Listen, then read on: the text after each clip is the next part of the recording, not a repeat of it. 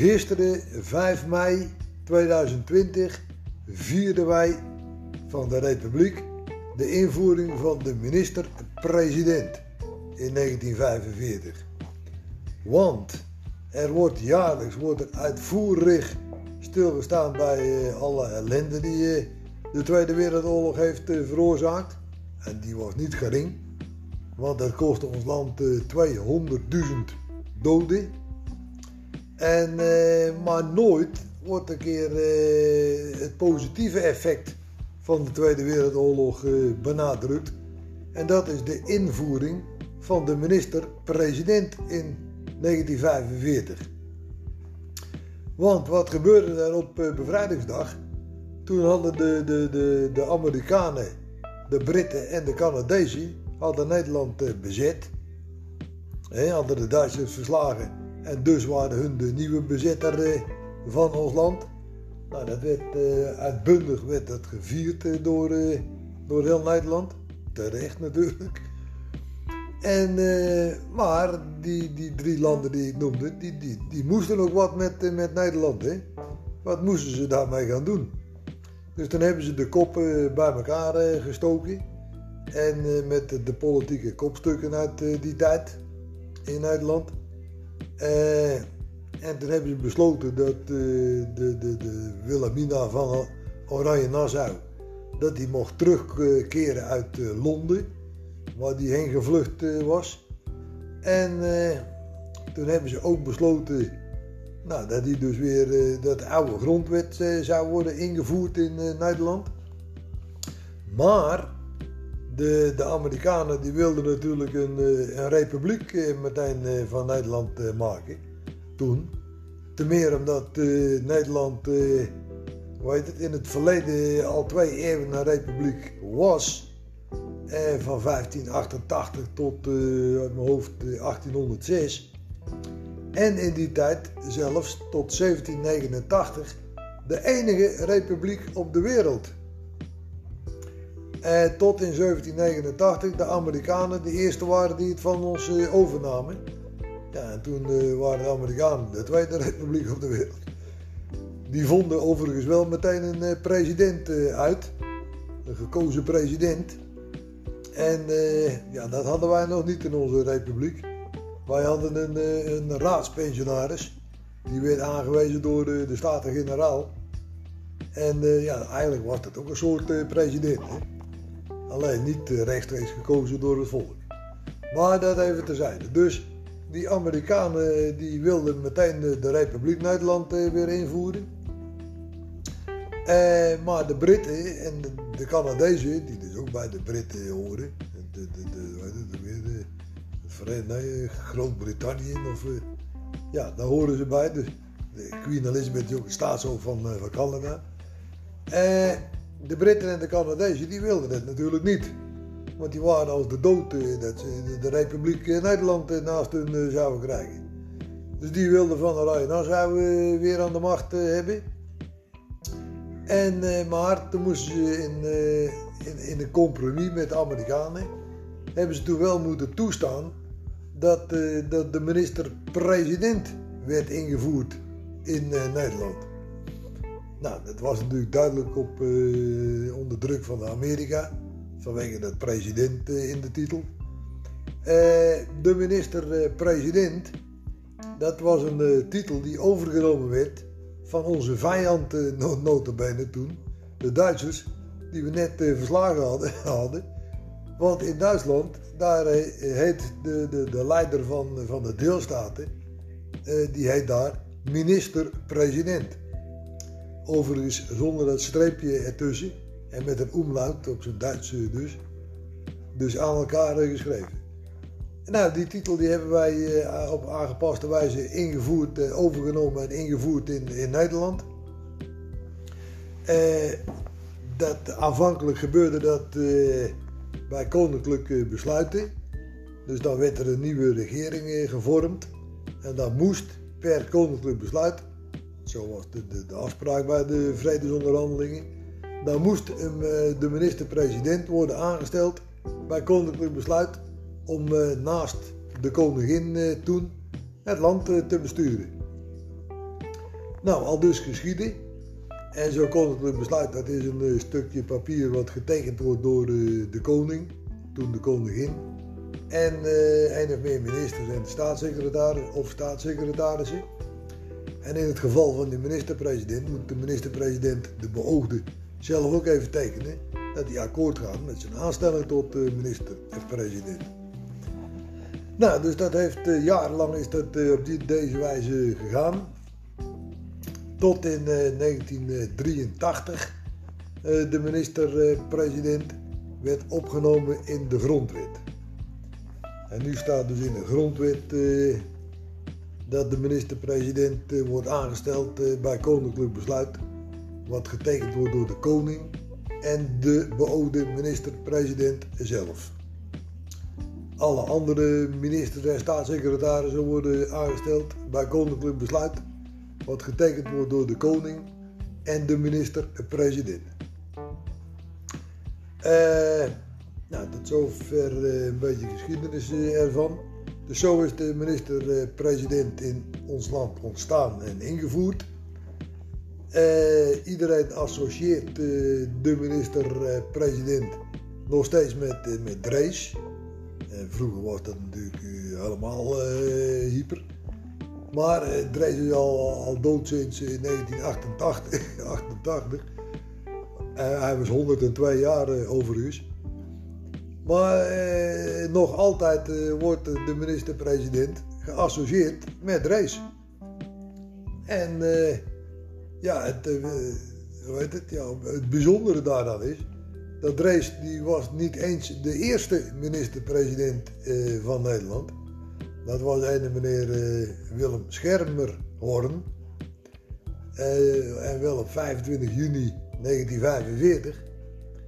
Daarna was er nog korte tijd, eh, ik geloof een jaar, eh, een meneer Beel. En pas de derde minister-president eh, van Nederland was, was Drees. En dat was in 1948, in hetzelfde jaar waarin Wilhelmina aftrad en Juliana de koningin werd van Nederland. En die heeft toen samen met Drees eigenlijk uh, tot het overlijden van, uh, van Drees hebben die twee de politiek uh, zo'n beetje bepaald in, in Nederland. En, en Juliana zelf die blijft nog tot 2004 leven. En ja, die had het, tot het einde van haar leven had hij ook altijd nog een overheersende invloed op, op de politiek in, in Nederland. Want uh, ja, let wel, alle andere politici in Nederland die zweren allemaal trouw aan uh, Van Oranje Nassau. Dat zijn eigenlijk gezworen hoor, eerste. Drees die deed dat toen uh, de tijd nog niet, omdat die eet toen nog niet bestond. Die is later ingevoerd, ik weet niet meer precies wanneer, ik geloof in 1990 of zo. Dus die moeten allemaal trouw zweren aan Van Oranje Nassau. ja, dan ben je mij nog niks meer dan een gezworen orangist. Maar ook dat uh, ja, is vermeldenswaardig. Daarom noem ik het hier. Uh, terug naar de minister-president. Dat is een hele belangrijke functie, of de belangrijkste functie uh, na, van Oranje Nassau in Nederland. En dat is verreweg ook, een hele populaire functie. Want ze lopen wel voortdurend te bazuinen en te baljaren over premier, premier, premier. Dat doet het oranje bewind natuurlijk. Want die, die, die, die kunnen niet tegen het woord eh, president. Dat strookt niet met een eh, koning, eh, dat begrijpt iedereen. Dus die proberen het van begin af aan, heeft Oranje geprobeerd om dat weer terug te draaien naar, naar premier. Zo het ook heette voor de Tweede Wereldoorlog. Premier of, of eerste minister heette het toen. Dat hebben ze van begin af aan geprobeerd om dat weer ongedaan te maken. Tot op heden is dat eh, natuurlijk niet gelukt. En uh, nu gaat het ook helemaal nooit meer lukken. Want onze partij, uh, de Republikeinen, ja, die bestaat natuurlijk voor de Republiek en een gekozen president. En de minister-president is voor ons de opstap naar de realisatie van de Republiek Nederland. de Republiek, de Republikeinen, de Republiek, de president minister-president dat zijn uh, Siamese tweelingen, dat hoort allemaal bij, bij elkaar. De minister-president hoort bij ons en niet meer uh, bij het oranje bewind. Uh, dus al dat gekwal over premier in, in de media en in, in de Tweede Kamer zelf. En ook de minister-presidenten die hier hebben gefunctioneerd die noemen zichzelf ook eh, premier eh, daar in, eh, in Den Haag en in de media. Dus ja, die, die, die, ja, ik, begrijp dat niet dat ze dat doen. Die meneer Rutte bijvoorbeeld, die noemt zichzelf ook premier. En uh, ik, nou, dat, dat, nou zijn tegenstanders dat doen, dat kan me voorstellen. Maar dat doet hij zelf ook. Dus al die oranje kwallen, zo noem ik ze maar eventjes, die, ja, die zweren bij, die proberen dat allemaal om te terug te draaien naar premier. En wanneer ze denken dat de stemming uh, daartoe uh, aanwezig is, dan gaan ze natuurlijk een uh, voorstel tot wijziging van de grondwet indienen. En er komt dan bla bla in te staan zo van, nou ja, iedereen noemt het toch premier, dus laten we dat in de grondwet ook maar veranderen in premier. Nou, zo'n lul, lul verhaal krijg je dan.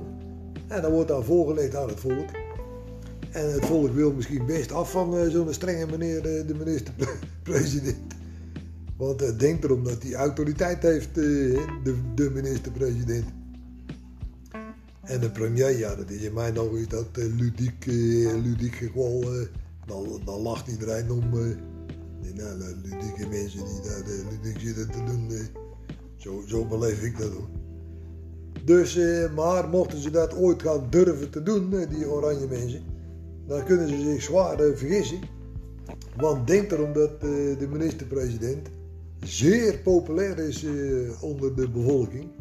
Ik weet zeker dat wanneer ze zouden moeten kiezen, het volk, tussen de minister-president met een president, en dus de republiek, of doorgaan met Van der Rij Nassau met een premier, nou dan wint de minister-president met een president en de republiek dat ruimschoots met twee derde meerderheid hoor. Neemt u dat van mij aan. Want uh, kijk, dat, uh, die mensen die, die hemelen die oranje allemaal op. Maar er zijn dezelfde mensen die beweren van ja, die, die, omdat ze denken, omdat ze denken dat die oranjes toch niks uitmaken. Die zijn ceremonieel en die hebben geen macht en zo. Ja, dat is onnozele, naïeve kletsen van die mensen. Want de enige die in Nederland macht hebben, dat zijn, dat de Oranjes. En die hebben de grootste invloed in, uh, in Nederland op de politiek en op het leven. En die mensen die dat beweren, van die hebben toch een macht en die zijn ceremonieel. Nou, dat, dat, dat zijn uh, die mensen zelf, zijn dat, die geen macht hebben en, ceremonieel zijn. En, maar niet die Oranjes. Dus dat zijn naïeve mensen die, eh, die zelf eigenlijk eh, er niet toe doen en ja, zichzelf uh, hoe heet het, wegcijferen of onmachtig maken op deze manier. Dus dat is natuurlijk een hele complexe situatie, erg ingewikkeld. Maar wanneer het in een referendum zou worden voorgelegd, dan weet ik bijna zeker dat de minister-president en een president, dus de republiek, dat met twee derde meerderheid wint van Van Oranje Nassau met een premier en, en, hun uh, koninkrijkje. Dus eh, daarom eh, moet er jaarlijks moet er eigenlijk op 5 mei eh, worden stilgestaan bij de bevrijding. En, en maar vooral ook bij de invoering van de minister-president. Niemand in Nederland eh, doet dat of deed dat uh, tot dusver. Het is maar goed dat wij bestaan, wij van de Republiek. ik doe dat nu wel. En ik ben van plan om dat jaarlijks eh, te gaan doen. Met een videootje en een podcast dingetje. En hoe heet het? ja, om zo te benadrukken van wat voor belang de minister-president eigenlijk is voor onze vrijheid in, in Nederland. Want let wel, vroeger hadden die Oranjes die hadden de absolute macht zo'n beetje. Maar door de invoering van de minister-president moeten ze die macht voortaan delen met de minister-president. En dat is toch tenminste al een halve bevrijding van uh, de, oranje, de oranje overheersing. Nou, onze partij, de Republikeinen, die bestaat natuurlijk sinds 14 september 2000. En wij gaan zorgen voor een president in Nederland. Dus de koning verdrijven voor een president. En die gaan we dan kiezen rechtstreeks door het volk. en nou is het wel zo dat wij zijn, gaan niet voor een president, een almachtige president. Wij blijven gaan voor een parlementaire republiek. Dat betekent dus dat de macht altijd blijft liggen bij het volk, bij het parlement. Dat zijn de, de Staten-Generaal uh, officieel geheten. Dat is uh, de Eerste en de Tweede Kamer gezamenlijk. Die bepalen wat er gebeurt in dit land en die bepalen of uh, meneer de koning hier nog lang blijft zitten of dat hij wordt afgezet voor een, voor president. Dat gaat dan via een grondwetswijziging. En daarvoor heb je eerst een meerderheid nodig in de, de Tweede Kamer, dan verkiezingen en dan, daarna nog een keer een twee derde meerderheid nodig in de Tweede Kamer en een twee derde meerderheid nodig in de Eerste Kamer. Nou, is dat allemaal formeel uh, geregeld, dan kan de grondwet veranderd worden. Ja, dan is meneer de koning afgezet. Kan hij vakantie gaan vieren of weet ik wat hij, wat hij dan kan gaan doen. En dan hebben we een president dan de eerste president is dan het makkelijkst om de minister-president, dan de actuele, meteen de eerste president eh, te maken van de, de republiek. En daarna een nieuwe minister-president aanstellen. En vervolgens eh, na, eh, zo snel mogelijk, na 1, 2 of 3 jaar, verkiezingen om de eerste echt gekozen president in Den Haag te verkrijgen. Nou, dat is het wel zo'n beetje voor dit jaar. Dan wou ik het even bij laten. In grote lijnen om het niet meteen allemaal te ingewikkeld te maken. oh ja, het katshuis wil ik nog even noemen. Het katshuis is officieel de ambtswoning van de minister-president. Het katshuis behoorde ooit toe aan Jacob Kats. En Jacob Kats, dat was de raadspensionaris van onze vroegere republiek. Uh, zojuist noemde ik het al, geloof ik, de raadspensionaris. Dat was eigenlijk een soort, ja, gewoon een soort president van onze republiek vroeger. Alleen hij heette toen geen president, maar raadspensionaris. Want die titel van president hebben de Amerikanen pas uitgevonden in 1789. Zo ik zojuist vermeld heb. Dus die meneer Jacob Kats, dat was de raadspensionaris en dat, dat Katshuis eh, dat was zijn woning. En uh, ja, die, uh, is toen in handen gekomen van de staat, dat, dat katshuis. En hoe heet het? en benoemd tot, hoe heet het, tot ambtswoning van de minister-president. Nou is het vreemde in het hele verhaal dat bijna geen enkele minister-president daar is gaan wonen. De enige uitzonderingen zijn voor zover mij bekend Biesheuvel, die er gewoond heeft met zijn vrouw een paar jaar. Pieter Jong heeft er gewoond met zijn vrouw een paar jaar. En Dries van Acht heeft er gewoond door de week, omdat hij ver van Den Haag woonde. Maar toen woonde hij daar zonder zijn vrouw en kinderen. Toen woonde hij daar alleen en het weekend ging hij naar huis toe. Verder heeft er nooit een minister-president ook daadwerkelijk gewoond. Nou, wij van de Republiek eh, zijn van plan om eh, de, de, de ambtswoning van eh, de minister-president te benoemen tot de ambtswoning van de president. Het is eigenlijk een heel eenvoudig landgoed met een heel eenvoudige woning. ja, woning is een simpel woord, maar een heel eenvoudig, ja, noem je het, paleis is het ook niet, maar een heel eenvoudige grote villa erop om het zo maar uit te drukken. Met werkkamers en gastenverblijven en dat soort dingen. Dus heel erg geschikt als ambtswoning voor, voor de president. Past ook helemaal bij het eenvoudige karakter wat onze republiek altijd heeft gekenmerkt. Dus geen grote glimmer, kletter, glimmer en glamour gebouwen en auto's en weet ik veel wat. Nee, gewoon een vrij bescheiden bescheiden overheidsgebouw. Maar wel mooi genoeg en eh, waardig genoeg voor de, voor de, de president van de republiek. Nou, dan geven we de, de, de, de minister-president een andere ambtswoning en iedereen is weer gelukkig. Eh, nou loop ik even vooruit op de dingen die in de toekomst zouden kunnen gaan gebeuren. Het is ook een heikel punt, want is, misschien heeft het wel een reden dat die, die, die minister-presidenten die ze dan allemaal premier noemen, dat die niet in Den Haag durven te gaan wonen. Omdat uh, ze de, ja, moed niet hebben om tegenover Van Leyen Nassau daar uh, prominent in Den Haag te, te, gaan zitten. Misschien is dat een, een reden dat ze dat allemaal niet doen of niet durven. Maar ik ben geen psycholoog, dus dat is een beetje gissen allemaal. Maar het, zou een facet kunnen zijn. Uh, ja, nou, Pim Fortuyn die heeft toen nog eens een keer een wild plan gelanceerd. Hij wou dat katshuis wou hij helemaal gaan renoveren. En een soort uh, glamourpaleis ervan maken of zo, weet ik veel. Maar ja, toen werd hij ineens doodgeschoten. En ja, misschien had het daar wel mee te maken. Dat, dat ligt allemaal een beetje gevoelig, zulke dingen. Daar moet je mee oppassen, hè. Maar dat even terzijde. Maar zo, ja, ik wil maar even toch benadrukken dat het, ja, dat het, is, het is niet zomaar een kattendrek, hè. Zo de, de staatsinrichting en de, de staatsvorm en de, de president en dan de, nog die familie van de Rijn Nassau die er zit. En de, de koning dan, informeel misschien. dat is niet allemaal zomaar een kattendrek, dus dat moet, je, dat moet wel, ja, dat kun je niet zomaar wat lullen en wat, wat gaan liggen doen. Dat moet je wel even goed bekijken, zulke dingen.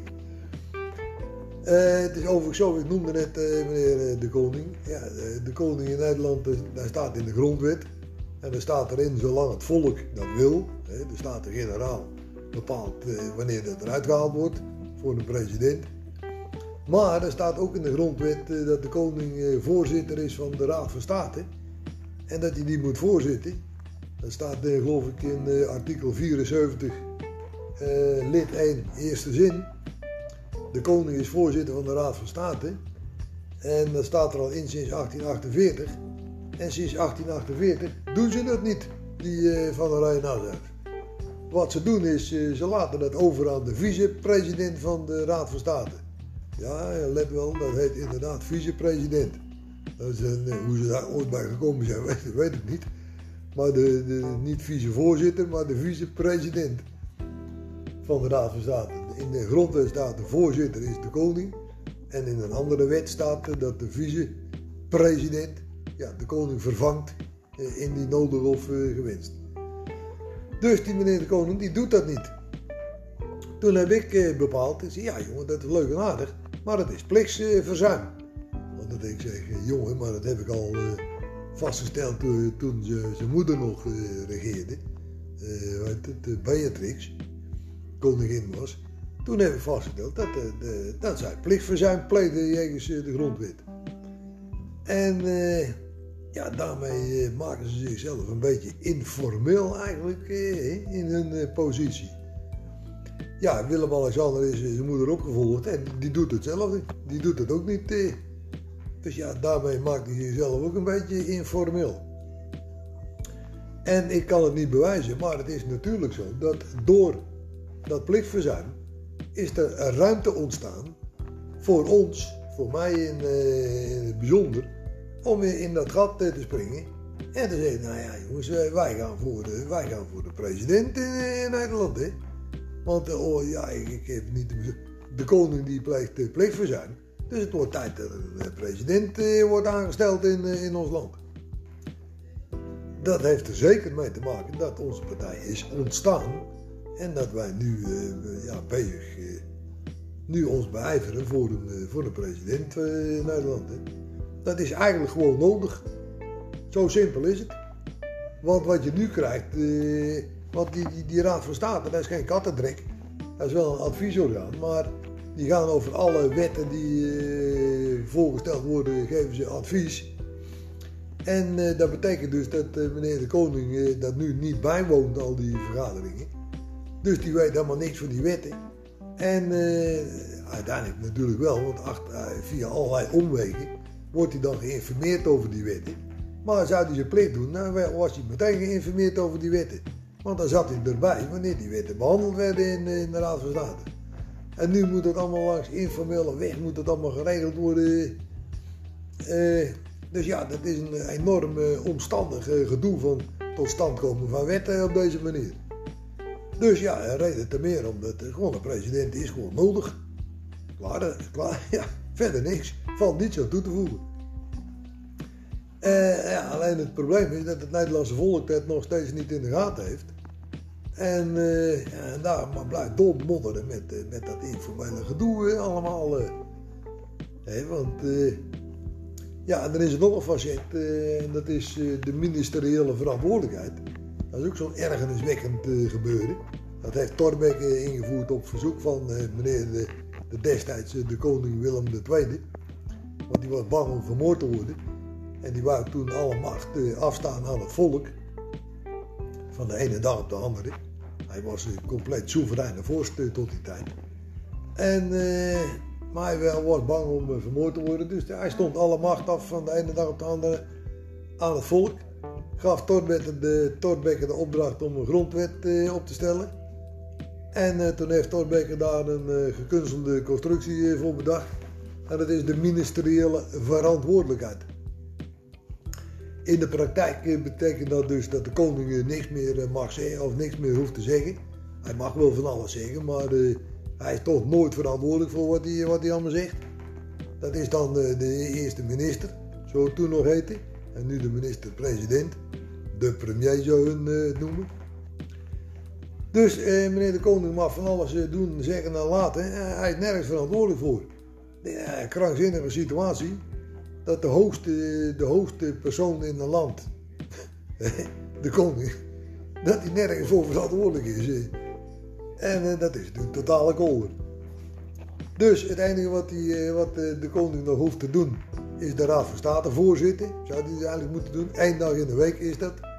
En voor de rest neemt hij geen deel aan het tot stand komen van, van het besluiten van de regering en noem maar op.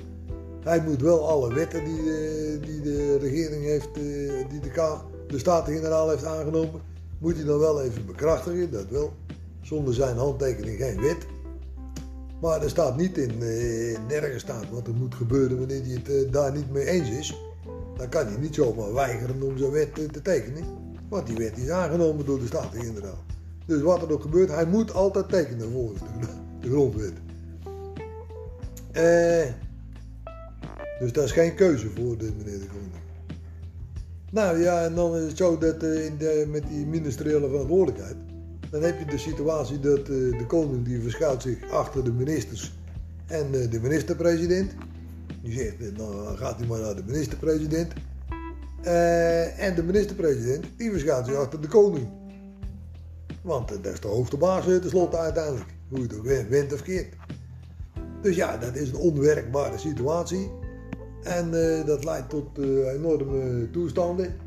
En ook daarom is gewoon de president nodig. Voilà. En dan is er nog het facet van, dat is dan een actuele situatie waar we nu in zitten. Die enorme toestroom aan asielzoekers en immigranten hier in, in, Nederland. Miljoenen zijn er sinds 2000 bijgekomen. En hoe heet het, onze, die meneer de koning die hier zit, die heeft een immigrantenachtergrond, hè, want zijn voorouders waren natuurlijk ook immigranten. Zijn echtgenote is een uh. En al die immigranten die hier al zitten, en die, die weten dat donders goed natuurlijk, dat de koningin eigenlijk een allochtoon is. Dus die allochtonen die, die, die voelen zich oppermachtig in, in Nederland. En die lachen om dat gesputter van, van de autochtonen dat er veel te veel immigranten komen en dat er veel te vol is in Nederland, dan lachen ze om. Nee, ja jongen, de koning is hier de baas. Dat is ook een allochtoon. Wij zijn allochtonen, dus wij maken een dienst uit. Zo, eh, zo denken die mensen. En ja, ik moet eerlijk bekennen dat ze een heel eind gelijk hebben.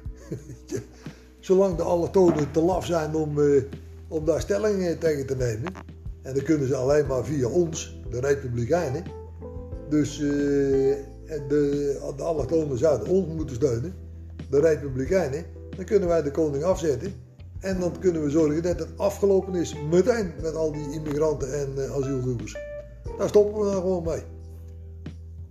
En die meneer, die orangisten die trouw gezworen hebben aan meneer de koning, Wilders en Baudet, nou die, hebben niet, die houden niet één immigrant uh, tegen. Neemt het van mij aan. Want dat zijn gezworen orangisten. Dus die, uh, en dat weten die immigranten natuurlijk. Dus ja, die, die lachen erom. Uh, die leggen enerzijds een vertrouwen aan, de koning. En anderzijds willen ze de immigranten, dus aan, aan, een immigrant. En anderzijds willen ze de toestand van immigranten gaan inperken. Ja, dat, dat, gaat niet werken. Dus wilt u af van de, van de immigranten asiel en de asielzoekers. En dus uh, het voorkomen dat de overbevolking nog erger wordt in Nederland. Ja, dan is er maar één partij, uh, beste autochtonen. En inmiddels hier gevestigde allochtonen. Dan is er maar één partij en dat, zijn wij, dat is onze partij, de Republikeinen. Daar besluit ik deze podcast mee. Leven de Republiek.